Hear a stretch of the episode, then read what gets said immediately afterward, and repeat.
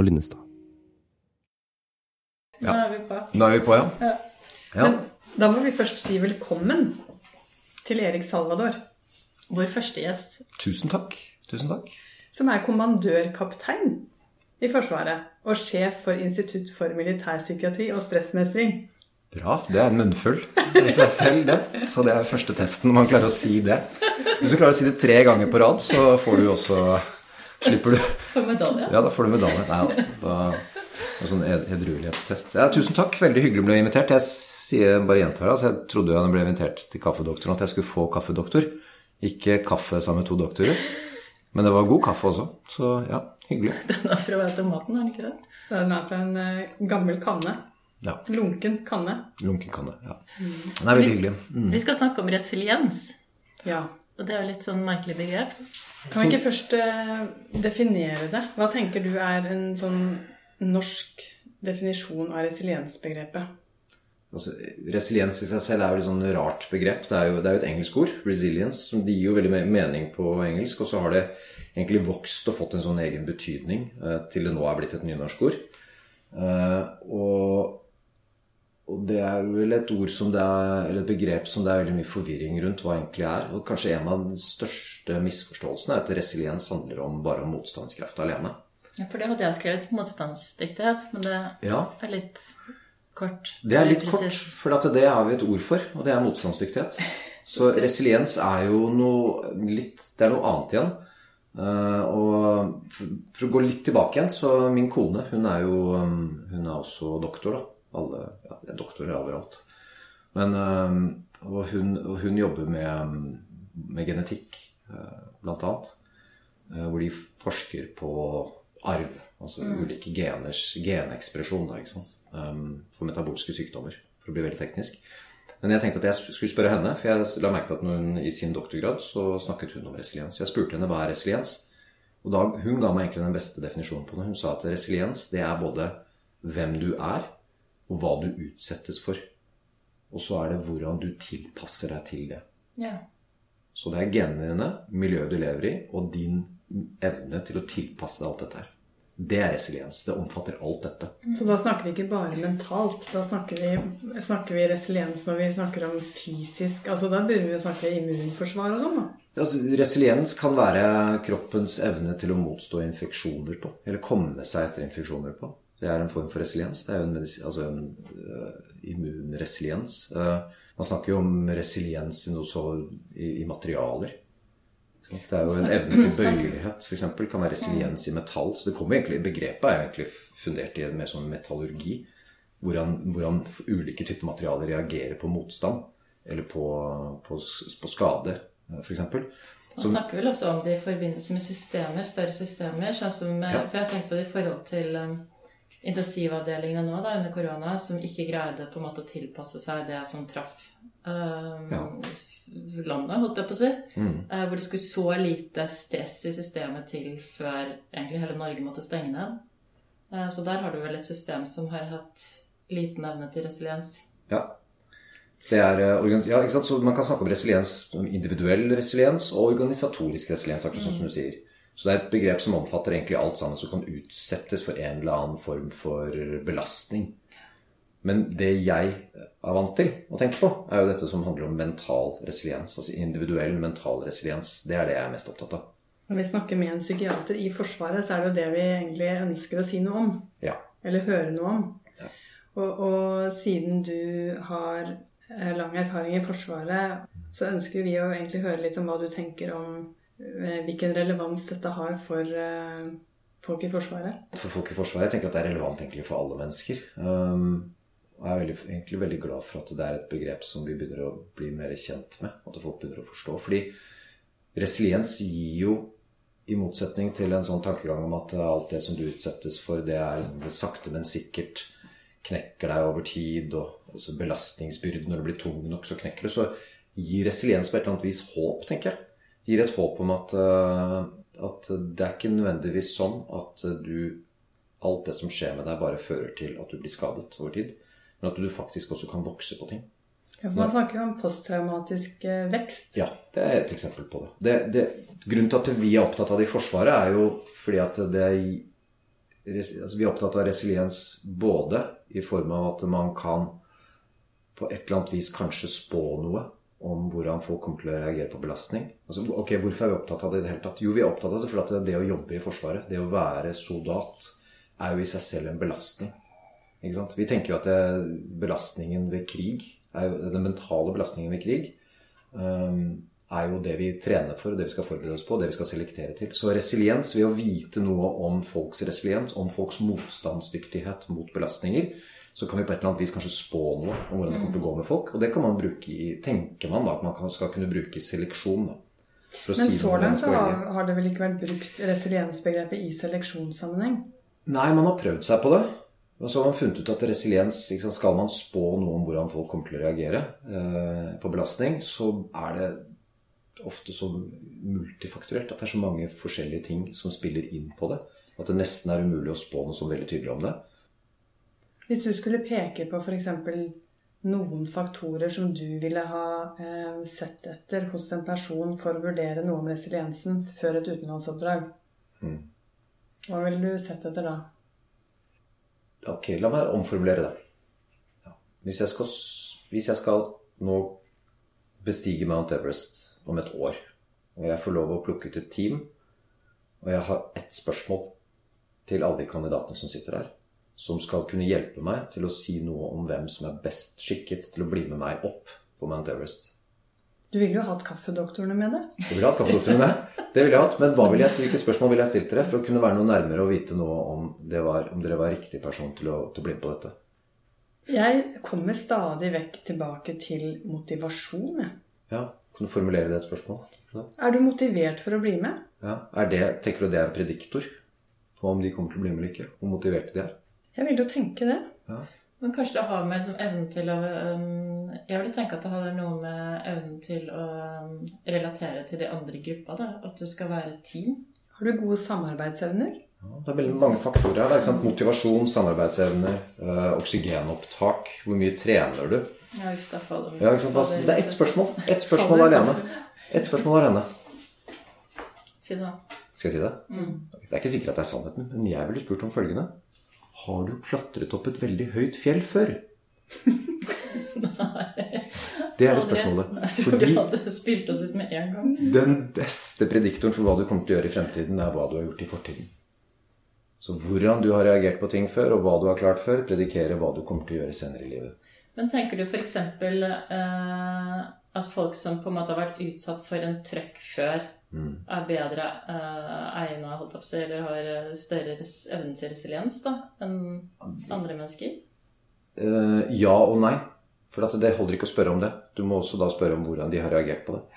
Så jeg tenker at Hvis du har opplevd en belastning før, og du har reagert på en måte, også da er kanskje en positiv måte, så er det en prediktor, en positiv prediktor for hvordan de kommer til å reagere senere. Mm. Og det er jo nettopp derfor, Seleksjon, Du sier at det er seleksjonen i Forsvaret vi ikke forholder oss til resiliens. Vi gjør på en måte det, fordi vi forholder oss til negative utkom av belastning.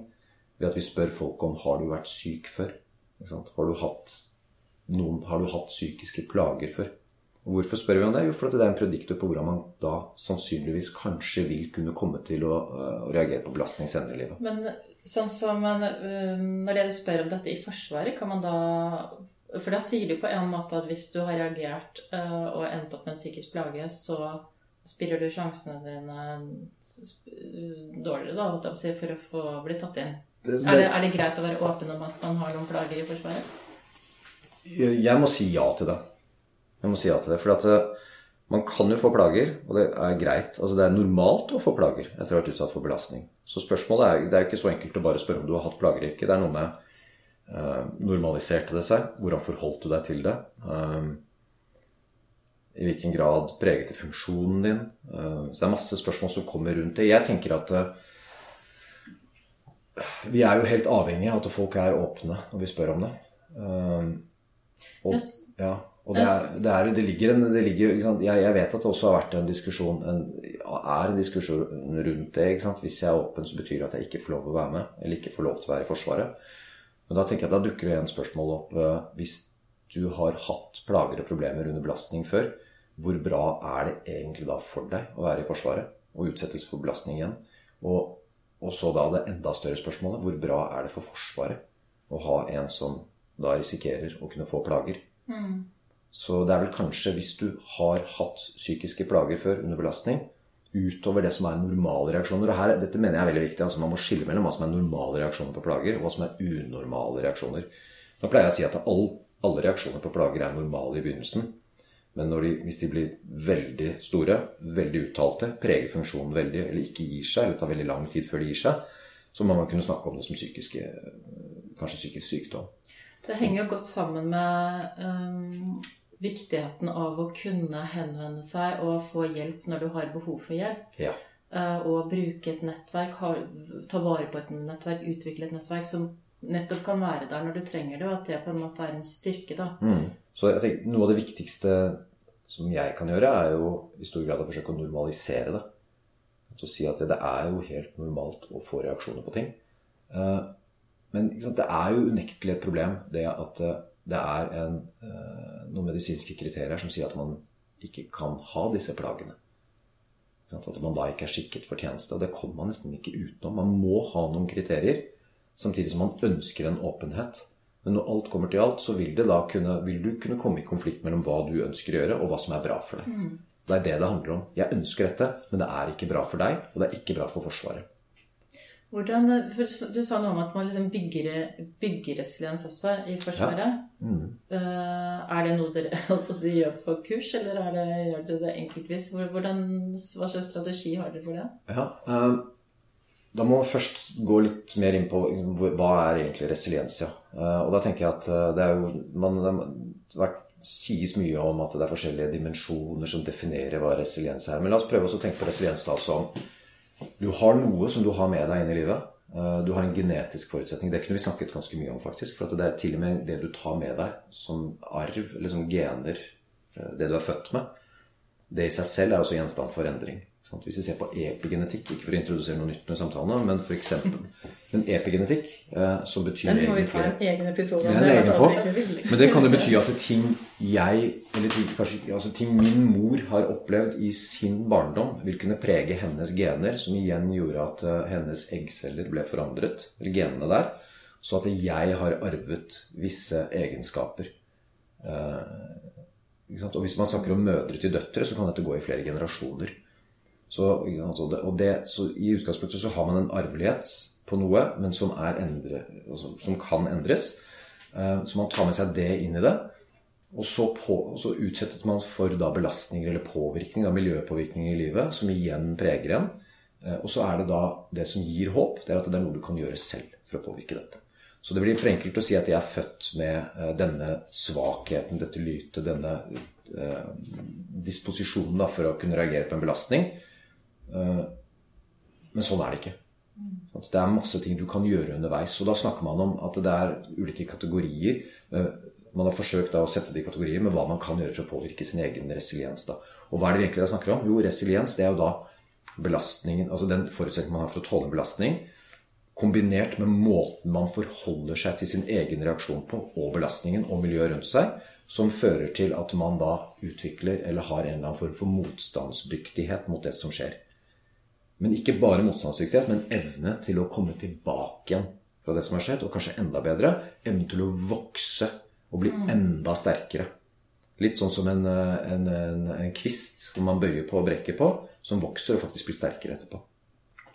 Så det, alt dette her sammenfattes av begrepet resiliens. Så vi kan snakke om faktorer som påvirker resiliens. Man sier at mennesker som, har, mennesker som er resiliente, har en del egenskaper som man kan sette inn i sånne kategorier. Eh, og en av de tingene man sier, er som du nevner, at man kan ha da en mennesker som er resiliente, eller som har lært seg å være resiliente, eller bare er det. Eh, det er mennesker som er flinke til å nyttiggjøre seg av hjelp når de trenger det. Til å bruke støtteapparat rundt seg. Og Da er vi tilbake på det med å si fra. ikke sant? Å ha en kultur for å kunne si fra, for å kunne nyttiggjøre seg de som er rundt seg. Så sånn sett, ved å ha en lukket kultur hvor man ikke snakker om problemer, så jobber man imot å utvikle resiliens. Så da oppnår man jo det motsatte av det man egentlig ønsker å oppnå. Eh, hvordan jobber vi i Forsvaret for dette? Jo, jeg kan komme litt tilbake til det, men jeg tenker at treningen vår, den militære treningen, er jo bygget opp nettopp opp under det å skape resiliens. da. Det er å skape, altså utsette folk for belastning, men å skape nye erfaringer av at du faktisk tåler det, du faktisk mestrer det, du klarer det. Og at du kan være åpen om reaksjonene dine etterpå. Og du kan åpne om reaksjonene. Så det er bare én av kategoriene. Liksom. En av, hvordan nyttiggjør jeg meg apparatet rundt meg for å hjelpe meg når jeg har problemer? Og jo bedre man er til det, jo mer resilient er man. Jo, jo større er sannsynligheten for at man ikke bare kommer gjennom en krise i livet uh, helskinnet, men at man kanskje til og med vokser på det med nye erfaringer. Så jeg finner mening i, mening i det. Ja, Det er kategori nummer to. Å ja. Hvordan finne mening i det man driver med i livet. Så en resilient person er også en som ikke bare nyttiggjør seg hjelp, men også klarer å finne mening i ting. Finner en mening i, kanskje i lidelsen. Og da er vi over i en sånn stoisistisk filosofitankegang. Ikke sant? Viktor Frankel. Ja, jeg skal akkurat til å si det, Ja. for jeg snakket om han i stad. Ja. Mm. Som var tre, aldri ja. Han var tre år i konsentrasjonsleir og kom jo ut og, og Han trodde jo eh, Det var liksom to faktorer. Det at han trodde han skulle se igjen kona og familien sin. Mm. Og så var det det at han hadde et manus som de hadde ødelagt, som han skulle skrive på nytt. Stemmer. Eh, og så kom han jo ut og fant jo at hele familien var død. Og manuset var jo selvfølgelig borte. Han hadde jo drevet og skrevet det på små lapper i konsentrasjonsleiren. Og han snakket jo mye om det med å finne, det var en, finne meningen med ting, da. Um, at det var å finne mening med livet. Få noe nytt. Sette seg et nytt mål. Mm. At det var uh, noe av det som gjorde at han uh, ja, Han overlevde jo absolutt. Ble 92 år og skrev 23-24 bøker og fant Fikk et meningsfullt liv. Ja. Og, det er, og dette handler liksom, Du er inne på noe veldig viktig her nå. For det handler ikke om å finne meningen som et sånn overskuddsprosjekt i et liv hvor man egentlig har det greit og godt. Og nå har jeg det veldig godt, nå får jeg, jeg finne meningen med det jeg holder på med. Vi er ikke på en sånn Maslows behovspyramide-greie her. Hvor liksom meningen med livet ligger øverst. Dette handler om å finne mening midt oppi de verste krisene og katastrofene og i lidelsen og i tomheten og alt det som gjør at du egentlig bare tenker at det er verdt det i det hele tatt. Jeg tenker Det er det som er viktig med Viktor Frankel, at han møter ondskap, menneskelig ondskap, i sin reneste form. Den totale likegyldige ondskapen som ligger i konsentrasjonsleirsystemet. Allikevel, midt oppi dette, så evner han å klare å finne en mening inni i lidelsen. Og der møter du stoisismen. De gamle grekerne og stoisismen, med det, og, og, og romerne for en saks skyld. Men det er altså, hvordan kan jeg finne en mening i, midt oppi alt dette som betyr noe for meg? Og det man ser at det mennesker med, som er resiliente, de klarer de, er, de, de lærer seg eller evner å kunne finne Og derfor sier jeg at man kan lære det. Det er også med hjelp også å finne ut hva er egentlig meningen med det jeg opplever nå. Jeg har fått kreft. Jeg skal dø. Ok, hva kan meningen være med det? Uh, kan det være noe så Dette er kanskje litt sånn, høres litt trist og vondt ut, men kan det være sånn at eh, jeg skal ha fått kreft og, skal dø fra barna mine som er små? Kan det være at jeg kan nå Meningen med dette kan være at jeg skal vise barna mine hvordan man skal kunne dø med verdighet. Kanskje meningen er at en av barna mine skal i framtiden oppfinne en kur for denne kreftformen, fordi at eh, det ble en personlig ting for dem å miste sin, sin forelder. Så jeg mener, det å klare å finne en mening midt oppi dette her, eh, det er en, en annen faktor. Ja. Det er aldri så gærent at det ikke er godt for noe. Veldig bra. Det som ikke knekker deg, det vokser du på. Det er aldri så gærent at det ikke er godt for noe. Dette er ikke noe nytt. Resiliens er ikke noe nytt. Det er bare at vi nå kvantifiserer og setter begrepet på noe som alle sammen vet. Tilbake på hesten. Ja, det er så utrolig. Ja. Men det, det gir meg også noen assosiasjoner til den pasientgruppa som jeg har jobbet mye med, de psykosepasientene, som sier at de mener vi i helsevesenet er altfor lite opptatt av hva meningen med psykosen kan være. Fordi det viser seg også forskningsmessig, da, så har man jo liksom kommet på banen igjen og sett at sånn, de pasientene som greier å se at den psykotiske episoden hadde en eller annen form for mening, det, det lå noe meningsbærende i den, og kan ta med seg det videre, de har en, et mye bedre hva skal man si, forhold til det å ha vært psykotisk enn det andre pasienter har. Eh, og det mener de at underkjennes, da, for vi er liksom bare opptatt av at det skal bli borte. Men å ikke jobbe med dem for å prøve å finne meningen. Veldig godt poeng. Um, og det er jo det er litt sånn som vi jobber med kriser og katastrofer også. Det, er, det er ikke bare det å komme seg gjennom det, men også hva har jeg lært av dette? Hvordan, hva har jeg lært at, om hvordan jeg skal forholde meg til det? Hva, hva fungerte, hva fungerte ikke? Uh, og da er vi inne på den evnen til å lære å omstille seg. Uh, jeg, jeg tenker, nå har jeg nevnt to ting. Men en, en tredje ting som er også veldig viktig, det er jo eh, Det er litt i tråd med det med å kunne nyttiggjøre seg hjelp. Men det å kunne bygge meningsfulle relasjoner til andre mennesker, det er også en, en sånn En av disse faktorene da, som man snakker om at resiliente mennesker er bedre på, eller gode på. Eh, Nå er vi alle sammen inert resiliente bare i kraft av å være mennesker. Vi er tross alt de som er her etter 300 000 år med evolusjon. Hvor de som ikke var resiliente, de er nok borte for lenge siden. Så vi har det. Ja, vi har det der, ikke sant. Og, og, og vi har overlevd fordi at vi har gjort ting sammen. Så i det så ligger det det at det å kunne, det å kunne bygge meningsfulle relasjoner til andre mennesker eh, og få en emosjonell kontakt med andre mennesker er helt avgjørende. For Kan å man si kriser. litt sånn eh, flåsete, liksom? Men guttakulturen i militæret, er det liksom litt en del av et eh, Det å føle på den styrken det nettverket er. Det er jo det alle snakker om. Som er, de Ja. snakker jo om 'brothers in arms'. Altså de, det er jo At det gjør deg mer Det er noe av det som er med å bygge resiliens, da. Å f- å ha den derre samholdet, liksom. De snakker jo om at de kriger for kompisen og ikke for landet. Ja, og det, er, det, det, det samme gjelder jo egentlig i alle yrker. Altså Det er jo snakk om å skape Ikke i helsevesenet. I, helse, I aller høyeste grad i helsevesenet. Du er teamet, det er avdelingen, det er vi som jobber her, det er liksom teamet i mottak eller det er altså, vi, vi jobber jo hele tiden med disse tingene. Det å, å skape eh, Det er et annet nynorsk ord. Unit cohesion. Det er altså avdelingstilhørighet. Det er helt riktig. Det kunne vi sikkert snakket mye om, men der er det også noen faktorer som, som bestemmer det. Og det er kanskje den viktigste faktoren for å skape en avdelingstilhørighet.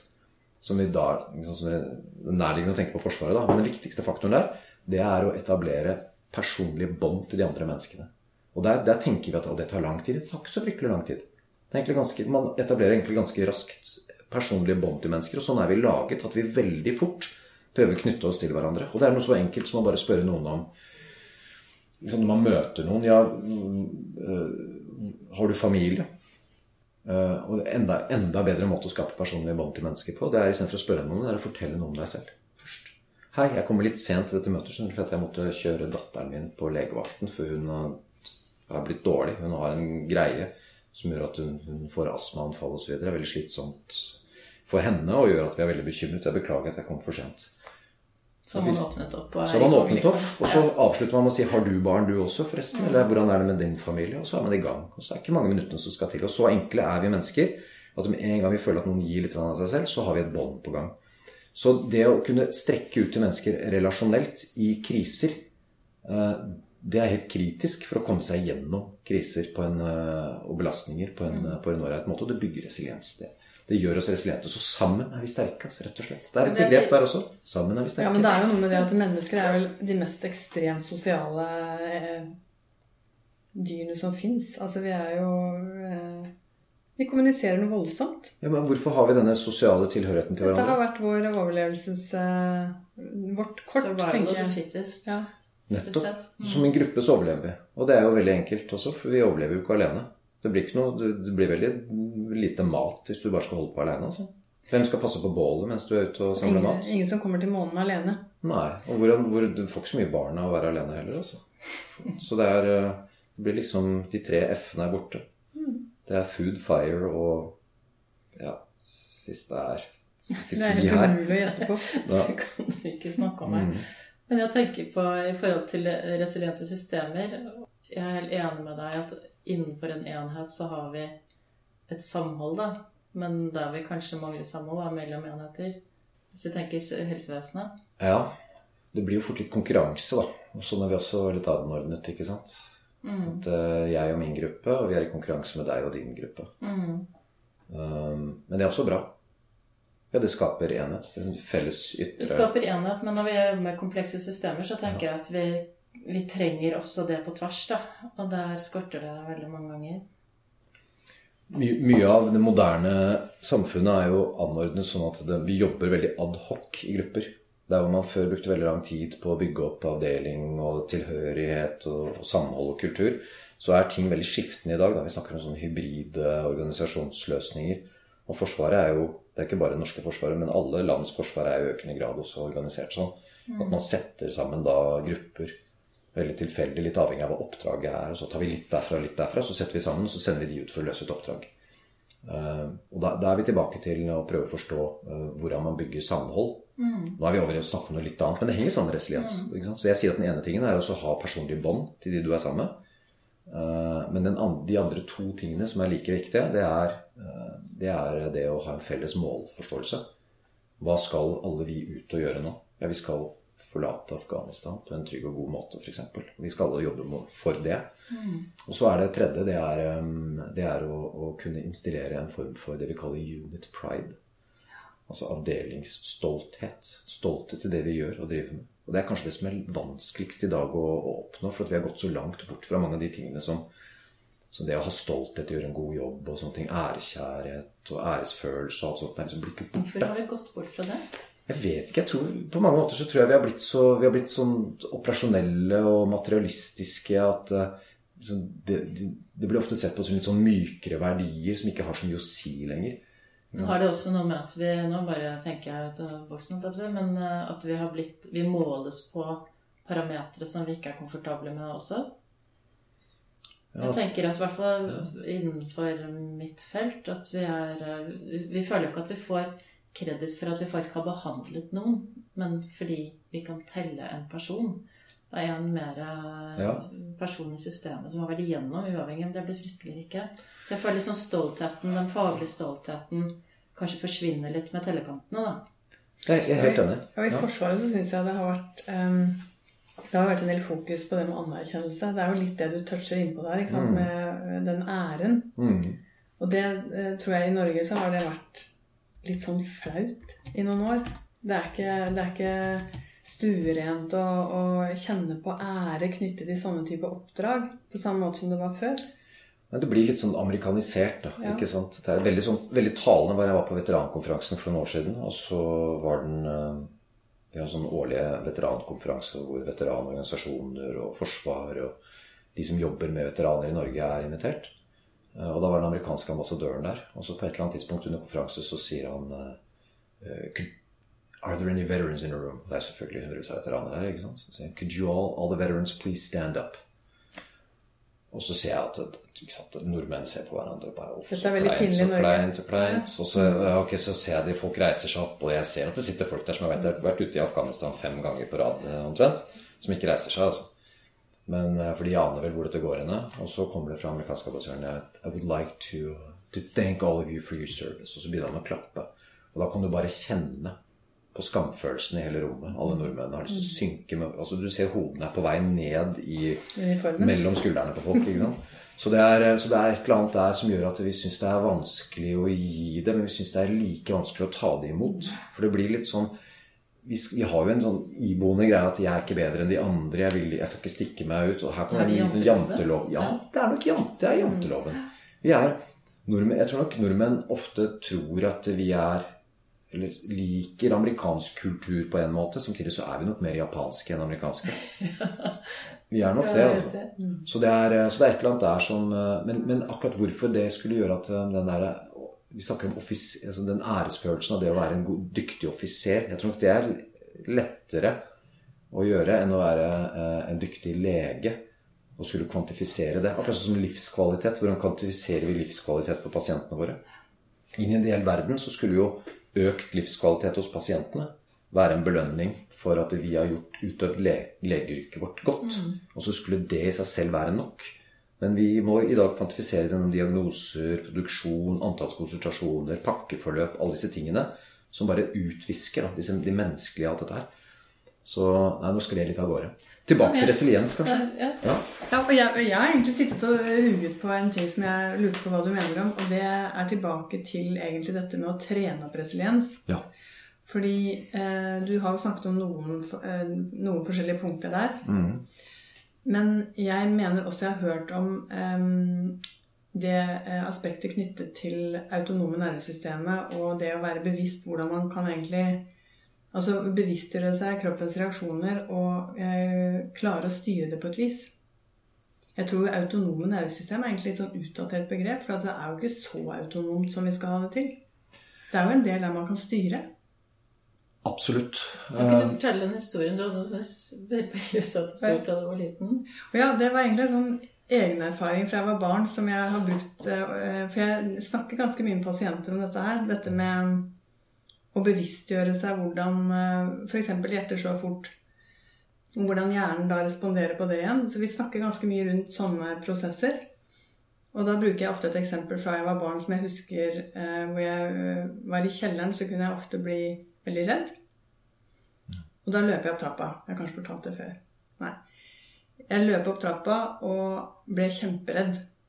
Og så var min erfaring da at hvis jeg tvinger meg selv til å gå sakte, mm. så blir jeg ikke så redd. Og det var en veldig nyttig erfaring som jeg liksom tatt med meg fra jeg var liten. Hvor jeg husker den der følelsen av bare jeg må tvinge meg selv til å gå sakte, for ellers så sier beina til hjernen min at jeg er redd. Og det lille eksempelet der, det, det, det gjelder jo mange situasjoner. Det kan jo appliseres til ja, mye av det jeg snakker med pasientene om, i hvert fall. Det høres ut som et eksempel på eksponeringsterapi, hvis du spør meg. Ja, det var det, det, var det også Kristin sa, men det er jo ikke eksponering nødvendigvis. Eh, jo, det er det. Vil jeg si. Fordi at det du gjør, er at du tvinger deg selv til å holde ut det som egentlig er helt uutholdelig. Og så får du en erfaring at det tåler jeg, og klarer jeg. Ja, Men samtidig så eh, er det også en erfaring i hvordan hjernen kan overstyre kroppens eh, eh, reflektoriske respons, på en måte. Absolutt. Og det, det, som er gøy, er at hjernen kan både hijacke kroppen din og gjøre et eller annet, men du kan også eh, lure eller trene hjernen din på å, på å bevare kontrollen. Mm. Og det, det, er inne på det, en, enda et viktig punkt. Jeg sa at det var fem punkter. Jeg er ikke på fem enda på resiliens. Det er helt ut av telling. Ja, nei, det er bra. Dette er jo Lars Weiseth sin gamle tidligere sjefpsykiateren i Forsvaret sin gamle mm, metode på å håndtere journalister. For at Hvis han fikk en mikrofon i trynet så de spurte om et eller annet, så sa han bare jo, du, det er fem årsaker til. Nummer én, nummer to, og i løpet av han var kommet til nummer tre, så hadde de glemt at det var fem. Og da hadde han klart å få kjøpt seg tid til å tenke på alt sammen. Eh, men jo, en av de eh, fem tingene som, som man mener påvirker eh, resiliens hos mennesker, det er da evnen til å I hvilken grad er du i kontakt med egen kropp og tar vare på deg selv? Hvordan fortolker du det som skjer i kroppen din? Hvordan fortolker du det rundt deg? Det, hvordan du reagerer på det? Og i hvilken grad er du bevisst på disse tingene? Så det er det å, å Det er masse forskjellige råd til hvordan man kan gjøre det. Det ene er jo da uh, gjennom uh, ulike sånne grounding-teknikker, at man evner å stå i det, evner, evner, å håndtere stress, det fysiologiske ubehaget ved stress. da. Forstå at dette bare er en fysisk opplevelse, at det går over. At man ikke blir overveldet av disse tingene. Og det er jo ting man i høyeste grad kan trene seg på. Det handler vel også litt om jeg holdt på å si, Det kan være stress i forbindelse med jobben eller det å klare tidsstyring, greie å roe seg ned hvis man er eh, hvis, du trekker det over til alminnelige mennesker, da, ikke ja. kun en militær situasjon. Nei, nå snakker jeg om alminnelige ja. mennesker hele veien. Fordi de aller fleste folk i Forsvaret er jo alminnelige mennesker. Er det sant? I bunn og grunn så er jo alle mennesker, altså. Selv soldater. Det, det, og det, det, leder meg over til det jeg egentlig brenner for, da. Som er dette med hvordan håndtere frykt. Så det er kanskje overraskende at en militærpsykiater er opptatt av dette med frykt og hvordan håndtere frykt. Det er kjempeskremmende å være soldat. det er, ikke er det rart. det er, og, og det, da må vi enda litt dypere inn i det. For jeg tenker jo at uh, frykt og angst er akkurat samme greia. Og det er sikkert noen som vil si at nei, nei, angst er noe helt annet. Det er jo ikke det. Fysiologisk så er angst det samme som frykt. Når Freud snakket om angst, så snakket han jo på tysk, og angst og frykt er samme greia. altså. Så det er um, så, og kroppen og, I stor grad så handler det om hvordan man responderer på en fysisk opplevelse. Så det tror jeg at uh, mye, det er veldig mye uh, å hente på det å bli Å kunne tåle det fysiske ubehaget ved å være redd.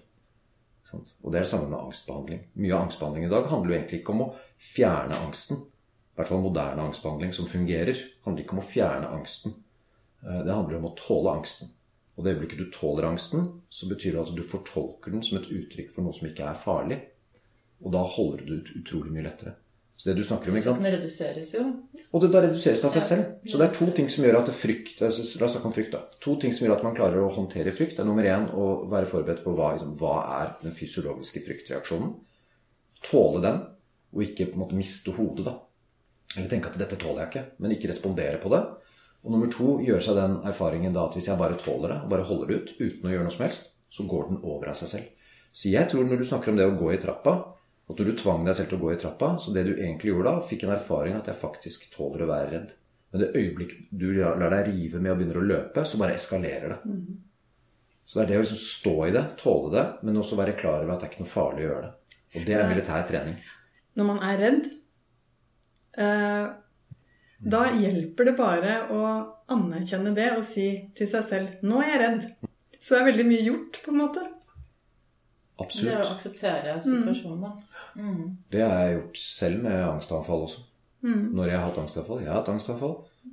Eh, og da er det og en, en, Den læringsprosessen der har vært at Oi, nå har jeg søren heller, nå har jeg et angstanfall på vei. Og da er jeg blitt så god på det uh, gjennom årene at jeg kan si det høyt. Ja, nå har jeg et angstanfall. Og da merker jeg at det, da blir det sånn Ok, da vet jeg hva jeg har å forvente. Og så vet jeg at det tar ikke veldig mange sekundene før det er over. Ja, for det er, noe, det er noe med det at da vet du også at det går over. Ja da, For det går jo alltid sånn, over. Sånn sett så er det litt kontrollerbart i, i den forstand. Men det er jo helt jævlig når det står på. Ja, men det var mye jævligere når jeg ikke visste hva det var. Ja. Det verste angstanfallet jeg hadde, var det første hvor jeg ikke skjønte hva det var for noe. Jeg trodde at jeg hadde eh, var noe galt med hjertet. Og det er det alle beskriver første gang vi har et panikkanfall, at de, de er helt sikre på at de dør. Så det er jo som du sier når det er gjenkjennbart, og du kan si til deg selv Ja, da sitter jeg her og er passasjer på kroppen min. Jeg, for jeg føler jo det er noe med det. Hvis hjernen kan få lov til å være med, og bare observere at nå er kroppen litt ute å kjøre her, Mm. og så få sitte her og vente da, til det går over, på en måte. Og ikke prøve å ta kontroll over det. Mm. Det er ikke nødvendig å ta kontroll Nei, nei. over det. Du kan egentlig bare la det få lov å Gå over. La det gå over av seg selv. Og det i seg selv gir en trygghet. Det er jo sant? en litt sånn stoistisk, stoisistisk mm. tilnærming. At dette får jeg ikke gjort noe med akkurat nå, så nå bare lener jeg meg tilbake og så lar jeg det spille seg ut. Og da blir det veldig mye mindre skummelt. For jeg strittet imot hele tiden. Jeg prøvde alt mulig rart. Jeg prøvde pusteteknikker. Jeg, jeg, gikk rundt i ring. Jeg tok meg en løpetur til og med på det verste. Eh, og klarte jo ikke å sitte stille, for jeg til slutt lærte meg at du må bare slutte å slåss mot dette her. For i virkeligheten så bare forlenger du pinnen, altså. Så Men kan det, eh, kan det da også være interessant? Kan du Det kan være veldig spennende. Ja, for jeg tenker, også jeg ville tenke at Hvis jeg hadde et angstanfall eh, Jeg har ikke opplevd det. Nei. Men jeg, jeg ser for meg at hvis jeg først hadde kommet over den første panikken i så fall, og ikke var redd for det egentlig lenger, at jeg ville synes det var interessant å observere hvordan kroppen min hadde et angstanfall. Da, ja. Er det litt absurd? Nei, det er ikke absurd i det hele tatt. Men greia her er at eh, det er Du ender jo veldig ofte opp med å bare være livredd for å få det igjen. Ja, det er Så jo man angst for angsten ja, man bruker så forbanna mye tid på å være håpe at man ikke får det igjen. Eh, Og da blir man veldig stressa av det i seg selv, som øker sannsynligheten for å få enda mer angstanfall. Og nå er vi over på der vi hadde lyst til å hente oss tilbake til resiliens. Dette er resiliens i praksis, tror jeg. Ikke for å framholde meg selv som et veldig resilient menneske, for det, jeg er nok ikke noe mer resilient enn alle andre. Men det at jeg nå er kommet til den erkjennelsen at et angstanfall, hvis det er det verste som skjer, så skal jeg i hvert fall håndtere det. Det er ikke så farlig. Eh, det er resiliens i praksis. Det er kjempebra. Og hvordan havnet jeg der? Jo, gjennom nummer én snakke med noen som visste noe om dette, og få god hjelp. Jeg hadde ikke kommet hit hvis jeg ikke hadde snakket med en veldig lur eh, person som fortalte meg dette her. Nummer to bli kjent med det og gjenkjenne reaksjonen på, i kroppen min.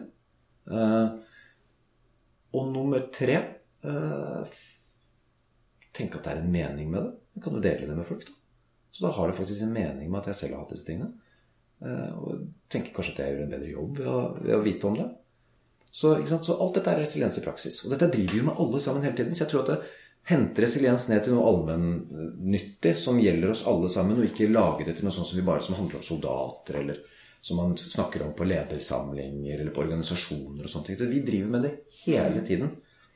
Jeg syns jo det, jeg synes det er utrolig flott både at du er en mann som snakker om det, men også eh, Jeg tenkte på en eh, fyr som var i avisen nå i helgen, eller var det NRK, som hadde mer generalisert angst, som også gikk ut og fortalte Han gjorde litt som Ingvar Wellensen sier, å putte bekymringen i en Ja, jeg så det.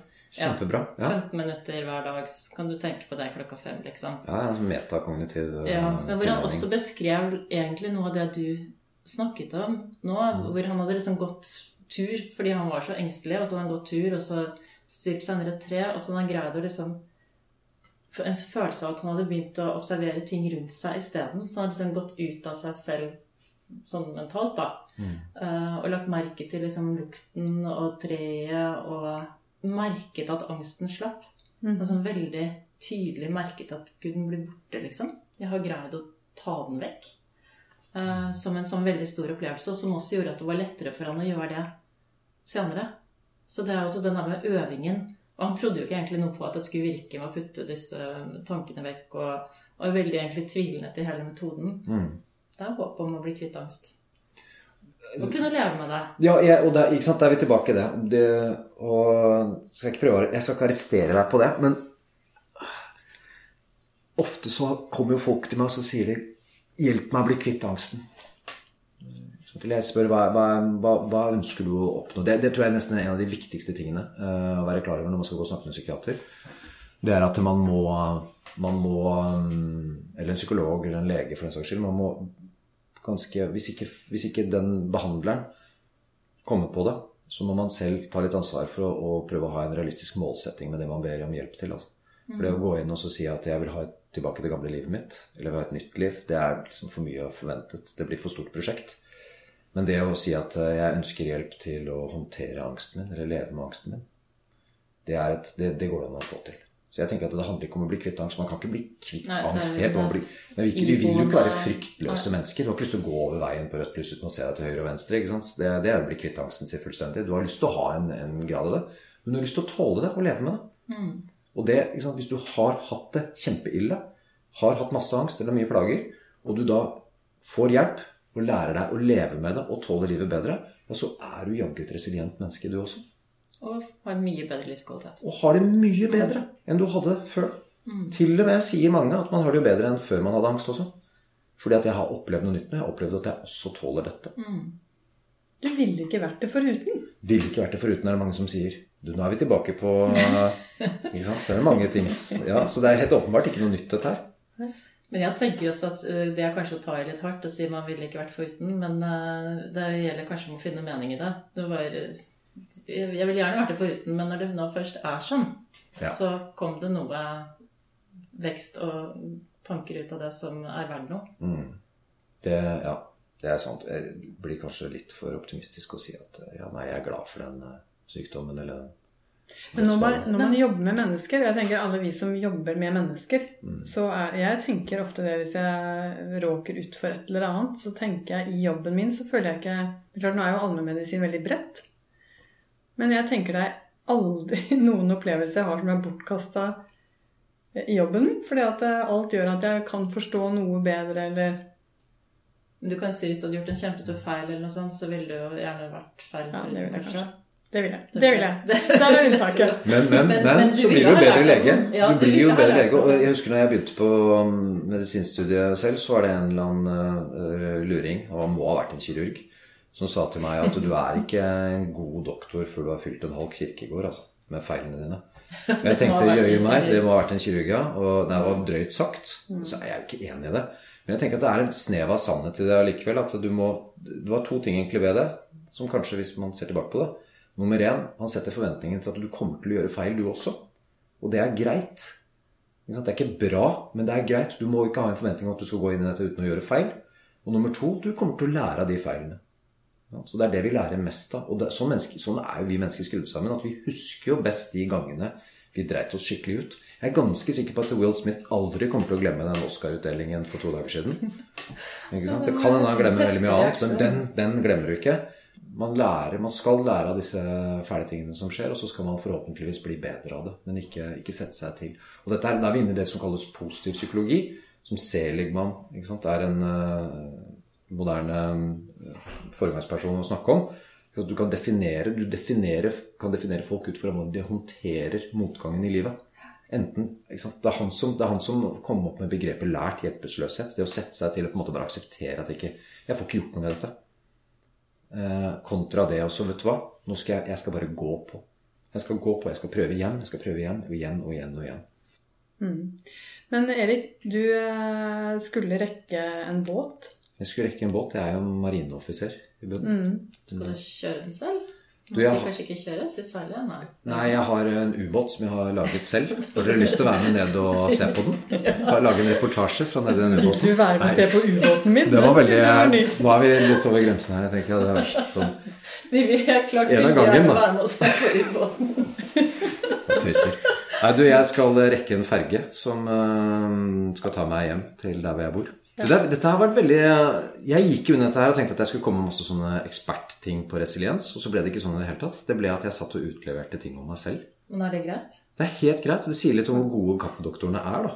For dere får jo virkelig da gjesten til å åpne seg. Så det her syns jeg var ganske Litt overraskende og veldig hyggelig. Du, sa. Ja. Du, du har angrefrist. Du behøver ikke legge det ut med en gang. det går bra. Jeg tenker at uh, jeg skal få eie det, altså.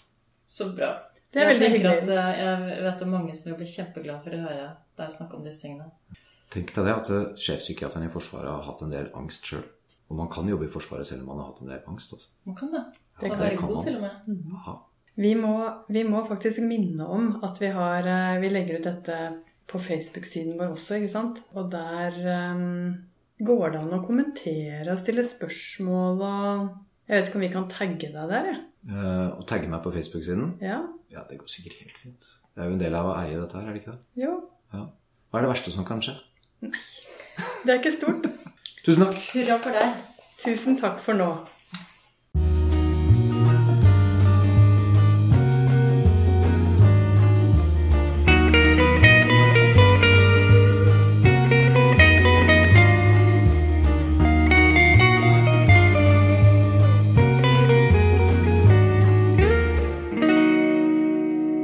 Kaffedoktor med Rom og Linnestad.